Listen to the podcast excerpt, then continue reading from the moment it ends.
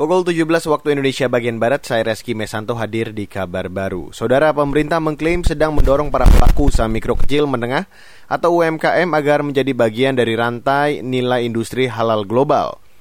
Wakil Presiden Maruf Amin mengatakan, upaya ini bisa memacu pertumbuhan usaha dan peningkatan ketahanan ekonomi nasional. Dorongan pemerintah di antaranya melalui kebijakan seperti penyederhanaan dan percepatan proses perizinan dan fasilitasi biaya sertifikasi halal bagi UMK. Maruf Amin mengingatkan saat ini Indonesia masih menjadi konsumen industri halal global dan bukan produsen. Kita harus dapat memanfaatkan potensi halal dunia ini dengan meningkatkan ekspor kita yang saat ini baru berkisar 3,8 persen dari total pasal pasar halal dunia. Wakil Presiden Maruf Amin mengatakan industri halal di pasar global memiliki potensi yang sangat besar. Pada 2017, produk pasar halal dunia mencapai 2,1 triliun dolar Amerika Serikat dan diyakini akan terus berkembang hingga 3 triliun dolar pada tahun 2023.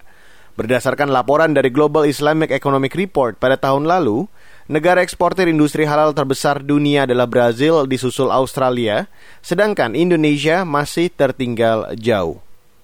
Kita beralih ke informasi selanjutnya, Saudara. Pemerintahan Joko Widodo Maruf Amin dikritik karena tak pernah mengevaluasi penanganan polisi terhadap masa aksi yang kerap represif. Wakil Koordinator LSM Kontras Rifan Lee Anandar menilai, tindakan represif aparat kepolisian dalam menangani unjuk rasa menjadi salah satu catatan buruk selama setahun pemerintahan Jokowi Ma'ruf.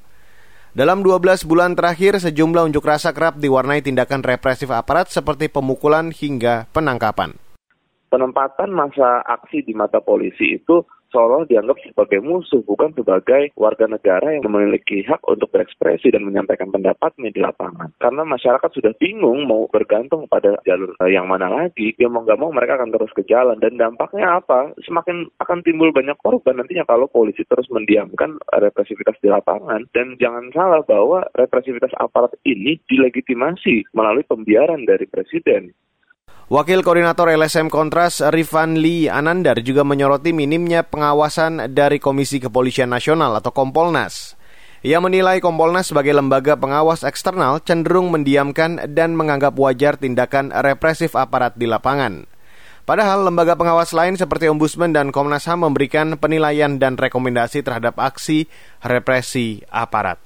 Saudara, Perdana Menteri Jepang Yoshihide Suga mengunjungi Indonesia hari ini untuk bertemu Presiden Jokowi di Istana Bogor. Yoshihide Suga menjadi kepala negara pertama yang berkunjung sejak Jokowi mengumumkan kasus corona di Indonesia. Menurut laporan Associated Press, Suga akan berada di Indonesia selama dua hari. Dalam kunjungan ke Indonesia, Suga diperkirakan membahas langkah-langkah menangani virus corona, dan kemungkinan dukungan Jepang terhadap ekonomi Indonesia yang turun kena imbas karena pandemi. Jepang ingin memperdalam dan memperkuat hubungan pertahanannya dengan Indonesia, mempromosikan alutista hingga perjanjian transfer teknologi. Dan saudara demikian kabar baru pukul 17, saya Reski Mesanto.